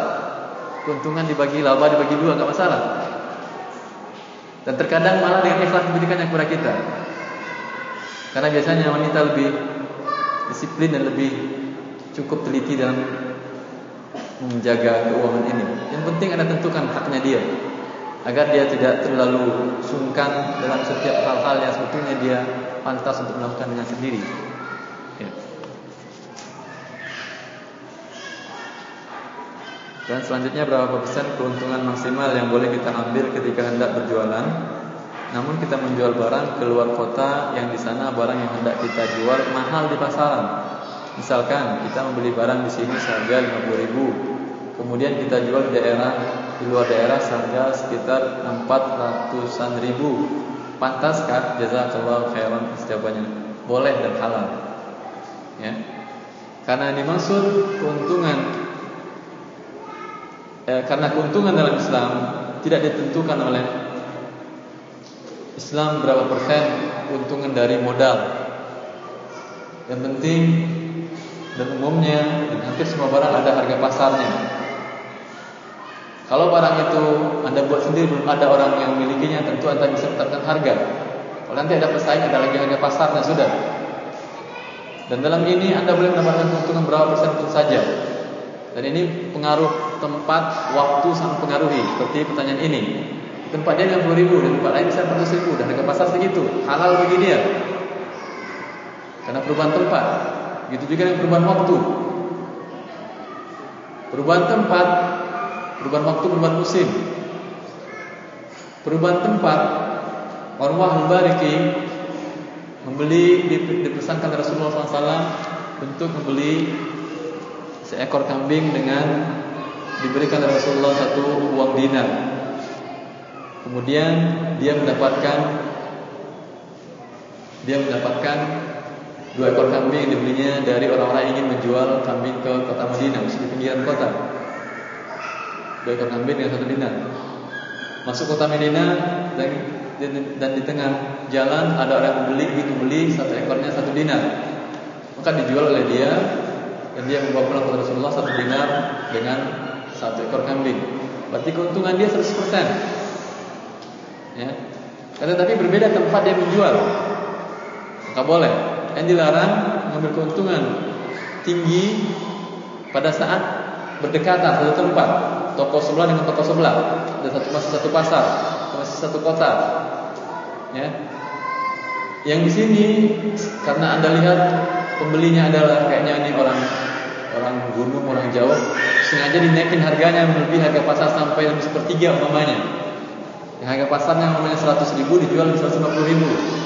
Ini tidak boleh keuntungan ini. Karena barang sudah ada harga pasar dan termasuk gish atau penipuan dalam harga barang. Maka si penjual berhak untuk mengembalikan barang dan mengambil uangnya kembali. Ya. Waktu musim juga mempengaruhi. Zubair bin Al-Awwam membeli tanah dengan seharga 170 ribu tanah di di pinggiran kota Madinah 170 ribu dinar. Kemudian dengan berlalu beberapa waktu sampai dia meninggal dan dia memiliki hutang yang banyak, anaknya menjualkan tanah Zubair ini seharga satu juta enam ratus ribu dinar. Jadi kenaikannya hampir lebih dari hampir seribu persen. Tidak masalah, ya, karena waktu dan tempat mempengaruhi harga barang. Selagi anda menjual masih dalam tahap harga pasar, ini rezeki yang diberikan Allah untuk anda dan insya Allah rezekinya halal dan berkah oleh Allah Subhanahu Wa Taala.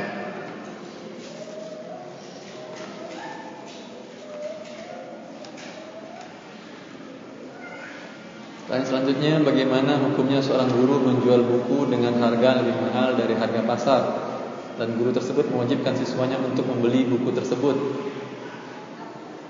Ini dua kesalahan ini. Pertama satu, tiga malah. Coba apa saja tiga. Satu, guru mewajibkan kepada muridnya, berarti dia memaksa dan tidak boleh jual beli dalam keadaan terpaksa. Ini jelas dipaksa. Diancam umpamanya kalau nggak beli nanti awas nilainya. Atau memang tidak diancam dengan nilai tapi seolah-olah nanti yang beli buku nanti nilainya bagus. Tidak diancam nilainya jelek tapi yang memberikan itu menakutkan anak-anak kan. Pulang anak-anaknya nangis ke orang tuanya ambil buku tadi nangis orang tidak memiliki apa-apa. Satu kesalahannya maksud beli dalam keadaan terpaksa. Kesalahan kedua jual beli dengan anak-anak. kita syaratkan bahwa persyaratan al-aqidain adalah balik dan cerdas. Bagi anak-anak tadi dia tidak bisa memilih apakah buku ini baik atau tidak. Maka tidak sah jual beli dengan anak-anak. Kecuali si guru mengatakan ini buku silahkan kalian ke orang tua kalian harganya sekian. Kalau orang tua kalian setuju harganya sekian. Ya. Maka lihat orang tuanya bukunya bagus dibandingkan mungkin dengan buku yang lain ya, sesuai dengan syariat bukunya bagus dan isinya materinya bagus, makanya bagus. Enggak masalah, tapi guru dengan anak boleh apa tidak melakukan jual beli? Ini karena dia tidak mengetahui rukun syarat jual beli. Maka sini penting mengetahui rukun syarat jual beli. Kemudian menaikkan di harga pasar. Buku tentu memiliki harga pasar. Bisa bila masih dalam kota atau kota tersebut harga buku tadi ya khilaf para ulama anak kita semangat sekali tolong di didiamkan sedikit agar kurang semangatnya ya. ya memang sebelah sulit ya sekalian kalau ibunya keluar mendiamkan anaknya ibunya tidak dapat faedah juga tapi kalau anaknya dibiarkan semuanya tidak dapat faedah saya pikir mending satu tidak dapat faedah daripada semuanya tidak dapat faedah Namanya tidak ada salahnya ke depan umpamanya kalau dibentuk sebuah tempat penitipan anak, tempat di mana yang agak jauh dari tempat kajian. Jadi anak jadi ibu masuk ke ruangan tanpa bawa anak-anak, anak-anak titipkan di situ, ditunjuk umpamanya bapak-bapak atau siapa yang membuat korban untuk menjaga anak-anak ini sangat bagus. Ya, saya lihat kalau di Saudi begitu. Dalam setiap kajian-kajian masjid anak-anak tidak boleh masuk karena mengkhawatirkan nanti kasihan ibu-ibunya juga datang dari mana-mana jauh kemudian sampai di sini tidak faedahnya tidak maksimal. Nanti tadi sudah dijelaskan belinya ternyata tanyanya juga masih sekitar begitu juga. Ya, artinya tidak maksimal hasilnya didapatkan oleh kita. Dan kasihan juga ustaznya. Ustaznya sudah ngomong satu jam dua jam datang ke tempat jauh juga tidak ada manfaatnya kepada ibunya. Jadi tolong kita perhatikan ke depannya hal ini. Kemudian salah selanjutnya para ulama harga harga di atas harga pasar. Harga pasar di atas harga pasar sebetulnya masih bisa ditarik lagi. Tapi berapa keuntungan yang dijelaskan oleh syariat? Sebagian para ulama, ulama dalam Maliki mengatakan boleh mengambil keuntungan lagi dari harga pasar dengan harga 30 persen 30% dari harga. Ya, 30% dari harga masih boleh diambil keuntungan. Diambil keuntungan 30%. Kalau umpamanya harga barang, harga pasar barang itu 100 ribu Kalau dijual 133 ribu pada orang yang belum tahu atau apa, maka itu masih boleh menurut pendapat mazhab Maliki. Mereka berdalil dengan keumuman sabda Rasulullah SAW As-sulus Sepertiga dan sepertiga itu banyak Maka di bawah sepertiga masih dianggap sedikit Karena sama sekali dinafikan, ditiadakan unsur gharar atau kecurangan atau penipuan itu nggak mungkin juga. Maka Islam juga tidak ter, tidak rasional, artinya mungkin untuk diterapkan syariat ini. Keuntungan memang ada batasnya juga mengambil di atas harga pasar. Karena di sana fungsi tawar menawar. Tawar menawar di sana fungsinya. Mayoritas para ulama mengatakan tidak ada batasan untuk berapa harga di atas harga pasar tersebut. Hanya dikembalikan kepada uruf. Bila dianggap dia tertipu, maka dia bisa berhak mengembalikannya. Tidak ada batasan ini lebih gampang lagi untuk kita jelaskan, untuk kita pahami. Dikembalikan kepada uruf berapa hurufnya? Kalau di tempat yang teratur, dan di sana ada biasanya kalau di Saudi itu ada Syekhul Ma'rab setiap kalau jual mobil dengan cara uh, apa cek dengan dengan cara di tempat penjual mobil bekas jadi ada pasar yang kita itu mutar di sana bawa mobil kita mobil mobil bekas tak menawar dengan orang ya. dan di setiap pasar itu ada Syekhul Ma'rab Syekh Al-Ma'rab maksud Syekh Ma'rab ini Syekh pasar ini kalau ada kezaliman-kezaliman dalam akad kembalikan kepada dia dia bisa panggil orang itu dan membatalkan akad. Kalau ada syekhul ma'rad ini ya, maka dia bisa menetapkan berapa harga pantasnya dianggap tertipu atau tidak tertipu. Bila anda merasa tertipu, datang kepada dia, dia mengatakan, oh ini anda tertipu dalam harganya, maka boleh dikembalikan. Dan tidak bisa orang tersebut untuk mengatakan tidak, karena di sana semua penjualan tempat penjualan itu harus memiliki izin. Apapun toko yang dibuat, usaha yang dibuat harus memiliki izin dari negara. Maka bila dia menentang apa yang dikatakan Syekhul Maruf ini bisa dicabut izinnya. Memang negara orang rapi sekalian. Kita insya Allah berusaha aja untuk berusaha untuk rapi. Ah, maka dengan demikian tidak ada ketentuannya. Dahulu di masa uh, Khalifah Utsmaniyah dalam Al-Majalah Al-Adliyah merupakan undang-undang dalam jual di waktu itu dijelaskan di masa itu berapa sebuah barang yang persentasenya dianggap dia menipu dalam jual beli sebuah barang.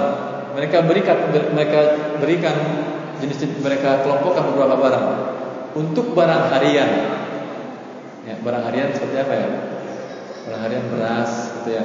Susu barang harian tidak bisa dijual beli harian. Ya. Itu tidak boleh dijual melebihi 5% dari harga pasar barang harian sayur itu kan barang harian. Itu kan barang harian. Maka menarik keuntungan 5% dari harga pasar ya, dianggap penipuan dan bisa dibatalkan akadnya oleh pihak berwenang untuk barang yang tidak ada barang yang langka seperti jual beli tanah ya itu kan bukan barang harian. Jual beli rumah itu kan bukan barang harian. Maka untuk barang tersebut mereka menetapkan standar 20% lebih dari 20% dari harga pasar maka itu dianggap penipuan dalam masalah harga. Dan itu huruf yang ditetapkan di masa itu. Jelas ini saya kira ya.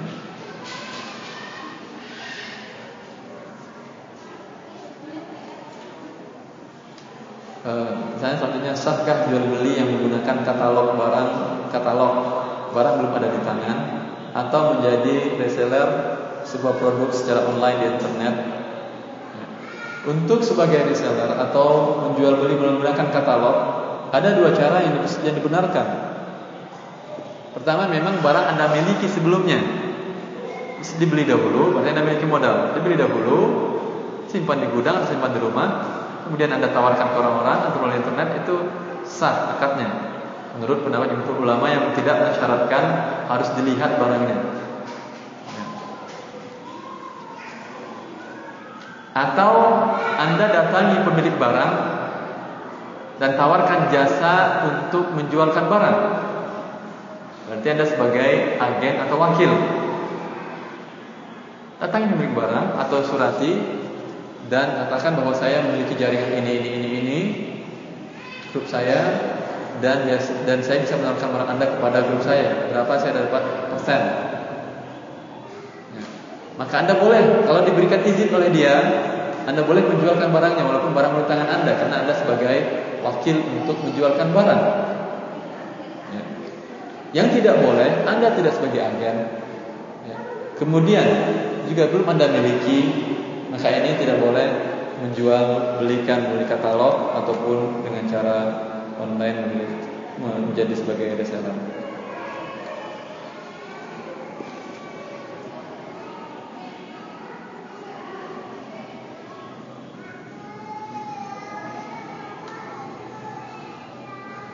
Tanya selanjutnya Ustaz bagaimana hukum mengikuti MLM Itu multi level, multi level marketing ya di mana harus mendapatkan member sebanyak-banyaknya untuk mendapatkan poin. Yang paling banyak mengumpulkan poin mendapatkan hadiah. Dr. Hussein Syahrani dalam disertasinya yang berjudul Taswik Atijah di Fikir Islami Marketing dalam tinjauan marketing dalam tinjauan fikih Islam Beliau meneliti tentang MLM ini dari berbagai bentuk jenis MLM Ada terkadang bukan produk biasa, malah produk dakwah MLM-nya CD yang berisi kontennya itu isinya dakwah buku-buku dalam bentuk elektronik atau juga apa ketayiban atau brosur-brosur keislaman yang dijual bukan melalui atau kaset-kaset keislaman dan dijualkan dengan cara pemasaran MLM. Dia sampai pada kesimpulan ya, kalau fatwa Lajnah Daimah ma'ruf bahwa Lajnah Daimah telah memfatwakan MLM hukumnya haram mengandung unsur gharar dan mengandung unsur riba. Haram MLM fatwa Lajnah Daimah. Tapi mungkin ada lagi pendapat yang lain. Kata dia dalam disertasinya itu dari seluruh pendapat ulama yang saya teliti baik lembaga maupun perorangan, saya belum menemukan ulama yang membolehkan hukum MLM ini. Kalau dikatakan dia dia mengutip langsung fatwa dari dewan dari Al Azhar, ulama Al Azhar, lembaga ulama Al Azhar yang menghalalkan MLM. Kata dia dijelaskan bahwa lembaga ini bukan menghalalkan MLM secara keseluruhan berkait karena sebenarnya tidak menjelaskan secara rinci bagaimana proses marketing penjualan pemasaran dengan cara MLM tersebut sehingga dari fatwa itu hanya dijelaskan bahwa ini sebagai samsara, sebagai wakalah atau sebagai agen, seperti agen biasa. Maka kata dia berbeda kalau umpamanya dijelaskan dengan rincian harus begini, harus begini, kalau tidak begitu dapat poin ini, dapat begini, dapat bonus. Ya. Maka kesimpulan tersebut sangat penting dan sangat bagus untuk diteliti, untuk diperhatikan dan diindahkan. Juga ada salah seorang ulama di Saudi, Syaikhul Musin Az-Zamir. Belum murid dekat salah seorang murid Syekh Muhammad wasallam. Juga dia pernah memfatwakan ketika dia ditanya, fatwanya tidak dibuka untuk umum, untuk pribadi, ditanya tentang produk Hibatul Jazirah, yaitu CD yang kontennya itu adalah buku-buku keislaman dijual dengan cara marketing multi level marketing MLM. Maka berdasarkan pemaparan tersebut yang ditanyakan kepada dia, Syekh mengatakan hukumnya boleh. Ketika melakukan penelitian ini, penulisan disertasi ini, Dr. Hussein Syahrani ini langsung mendatangi Syekh dan menanyakan dan menjelaskan bagaimana bentuk hukum PLM tersebut. Kemudian Syekh rujuk dari fatwanya.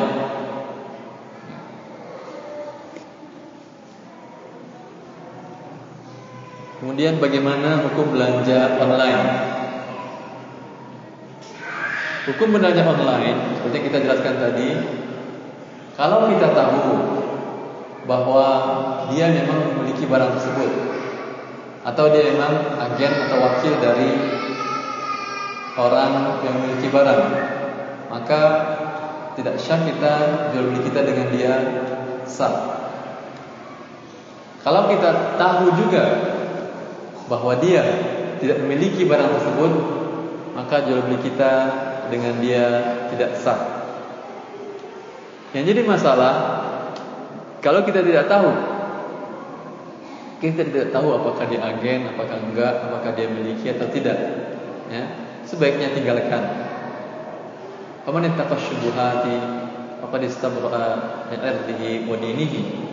Siapa yang menghindari syubhat, kan ini syubhat kan? Apalagi anda hidup di zaman sekarang ya. Kebanyakan orang-orang tidak mengerti tentang cara bisnis secara islami. Kecuali yang bisnis tersebut adalah saudara anda Anda mengerti dia tahu Dan tahu dia cara bisnis yang islami Dan anda tahu dia haris sangat tekun untuk mempelajari cara bisnis yang digunakan agama ya, Maka tidak boleh tidak Maka dengan dia tidak jadi syubhat Anda untuk berniaga. Tapi Anda tidak tahu dan produknya tidak tahu sebaiknya jangan. Allah telah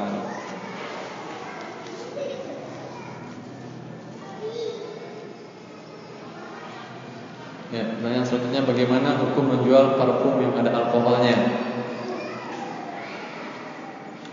Menjual parfum yang pada ada mengandung alkohol.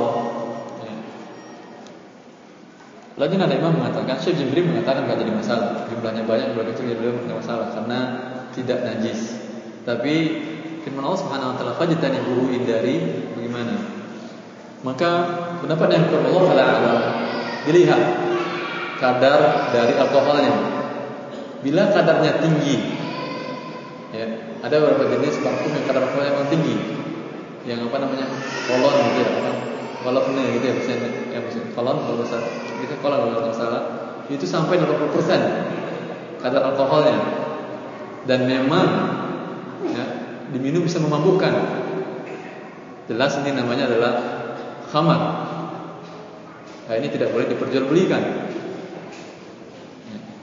Kalau kadar alkoholnya kecil, ya, kadar alkoholnya kecil dan biasanya terurai atau larut, tidak tidak sifat-sifatnya tidak ada lagi, kemudian tidak memabukkan juga, maka kembali kepada hukum asalnya. Bahwa hukum asalnya itu adalah halal. Maka lihat saja kadar alkoholnya berapa. Kalau sangat besar sampai 60%, maka jelas ini adalah khamar yang tidak boleh diperjualbelikan. Bila kecil sedikit dan tidak ada kebau dan tidak ada tidak bisa di apa tidak bisa diindrai sifat-sifat alkoholnya, maka insya Allah tidak jadi masalah. Bagaimana dan yang kedua bagaimana jika berjualan menggunakan brosur? Ya. Bila barang telah dimiliki oleh sebelumnya atau kita menjadi agen nggak jadi masalah, jual beli dengan menggunakan brosur. Menurut pendapat mayoritas para ulama yang mengatakan penjelasan sifat barang dengan kata-kata atau dengan tulisan cukup. Pada dalam madhab syafi'i tentu ini tidak sah. Ya. Tapi menurut pendapat yang kuat, Allah alam bahwa beli kalau persyaratan yang lainnya terpenuhi, barang telah dimiliki sebelumnya atau menjadi wakil, maka jual belinya insya Allah sah.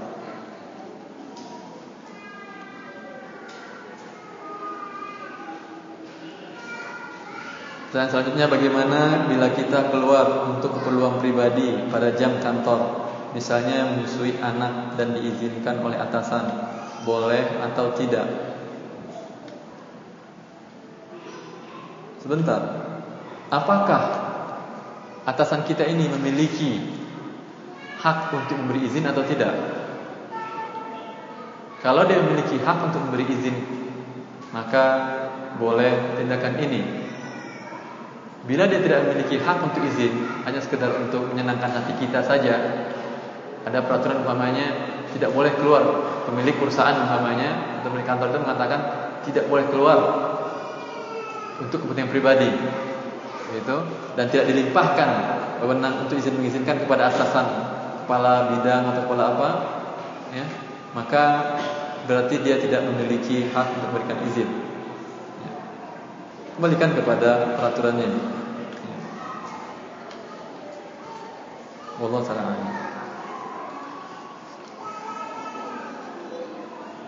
Bagaimana dengan berjual beli kotoran hewan untuk pupuk karena itu termasuk karena itu termasuk najis? Para ulama kita khilaf tentang pupuk hewan ternak Hewan yang bukan hewan ternak yang tidak dimakan dagingnya sepakat para ulama kotorannya adalah najis. Keumuman hadis-hadis tentang kata-kata al-baul dan arwah dan kata kotoran termasuk sana kotoran hewan juga. Khusus hewan ternak yang dimakan dagingnya para ulama khilaf tentang kotoran ini.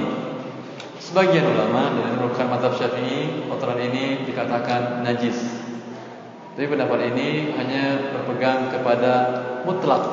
Sabda Rasulullah SAW, "Istanzihu minal baul." Bersihkanlah dari diri kalian dari al-baul, air kencing. Dan kata-kata baul sebagaimana termasuk air kencing manusia juga termasuk air kencing hewan juga. Tidak apalagi kotoran kotoran hewan yang dari dari duburnya tentu lebih berat lagi najisnya. Tapi dari hadis Qurani dan dia pendapat Allah uh, Hanabila kembali bahwasanya kotoran hewan ternak tidaklah najis. Karena Rasulullah SAW memerintahkan kaum Bani Uraina yang datang ke Madinah masuk Islam kemudian mereka terserang penyakit. Lalu diperintahkan oleh Rasulullah SAW agar mereka meminum minum air kencing unta dan minum air susunya obat betul obat Silahkan coba Kalau anda lagi umrah atau haji Cari air kencing atau sebentar minum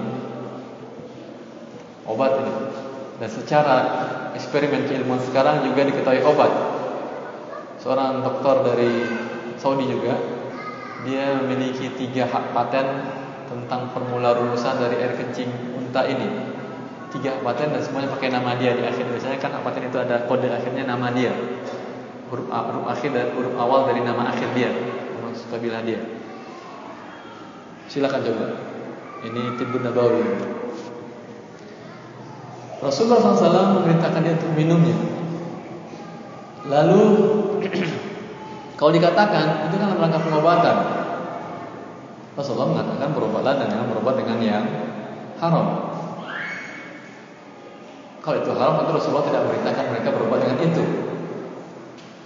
Kalau dikatakan terpaksa mungkin, kalau terpaksa tentu butuh lihat keadaannya sikonya betulkah dia terpaksa apa tidak. Karena sekalipun terpaksa, tentulah Rasulullah SAW akan mengatakan kepada Oroniyin ini Minumlah nanti bersihkan mulut kalian. Wala yajuzul bayan an ta'khirul wajh Wala bayan an waqtil haja Dan tidak boleh melambatkan penjelasan pada saat dibutuhkan Ketika Rasulullah SAW tidak menjelaskan kepada mereka agar mencuci mulut mereka Jelaslah bahwa berarti dia tidak najis Karena bila najis Rasulullah akan merintahkan Minumlah, tapi setelah minum bersihkan mulut kalian. Dengan demikian, Allah Taala pendapat yang kuat bahwasanya kotoran hewan ini dan Rasulullah juga pernah sholat di kandang di tempat pemeliharaan kambing. Ya. Yang jelas di sana ada kotoran kambing. Jelas dengan demikian bahwasanya kotoran hewan ternak tidaklah najis, maka boleh diperjualbelikan menurut pendapat yang kuat. Menurut pendapat mazhab Syafi'i tidak boleh diperjualbelikan. Lalu bagaimana solusinya? Bisa dengan cara minta upah jasa pengumpulan. Kan dikumpulkan dan diambil ditaruh di, di, di ini di di tempat karung umpamanya, tapi bukan dengan dijual. Dengan jasa ngumpulin saja berapa diperkirakan jasa ngumpulinnya satu warung umpamanya 50 ribu atau 40 ribu segitulah. Berbeda dengan dijual karena dijual berarti tidak ada nilai barang ini. Tentu harganya pasti lebih murah dan jangan bermain dalam hal ini, jangan hilang. Hilang Allah mengetahui tentang masalah hilang tersebut yang dilakukan oleh manusia.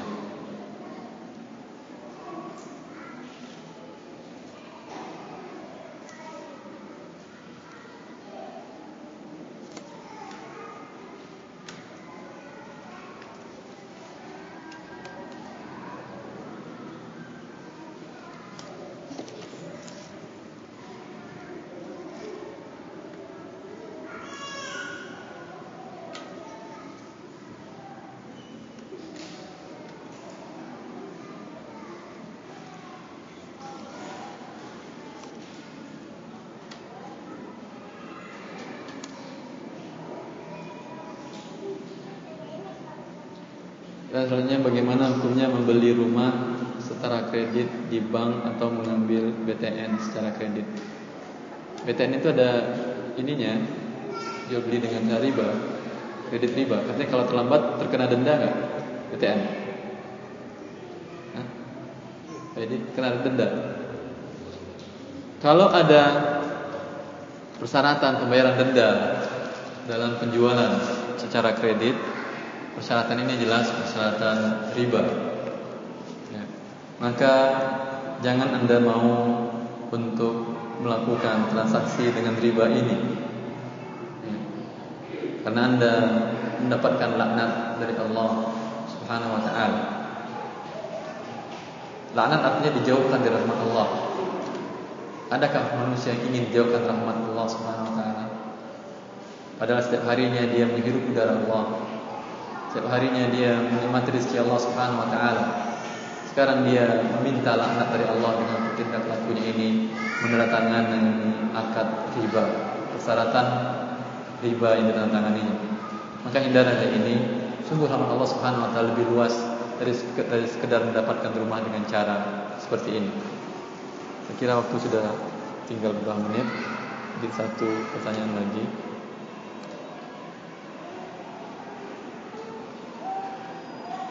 Ya, ini bagus sekali pertanyaan terakhir.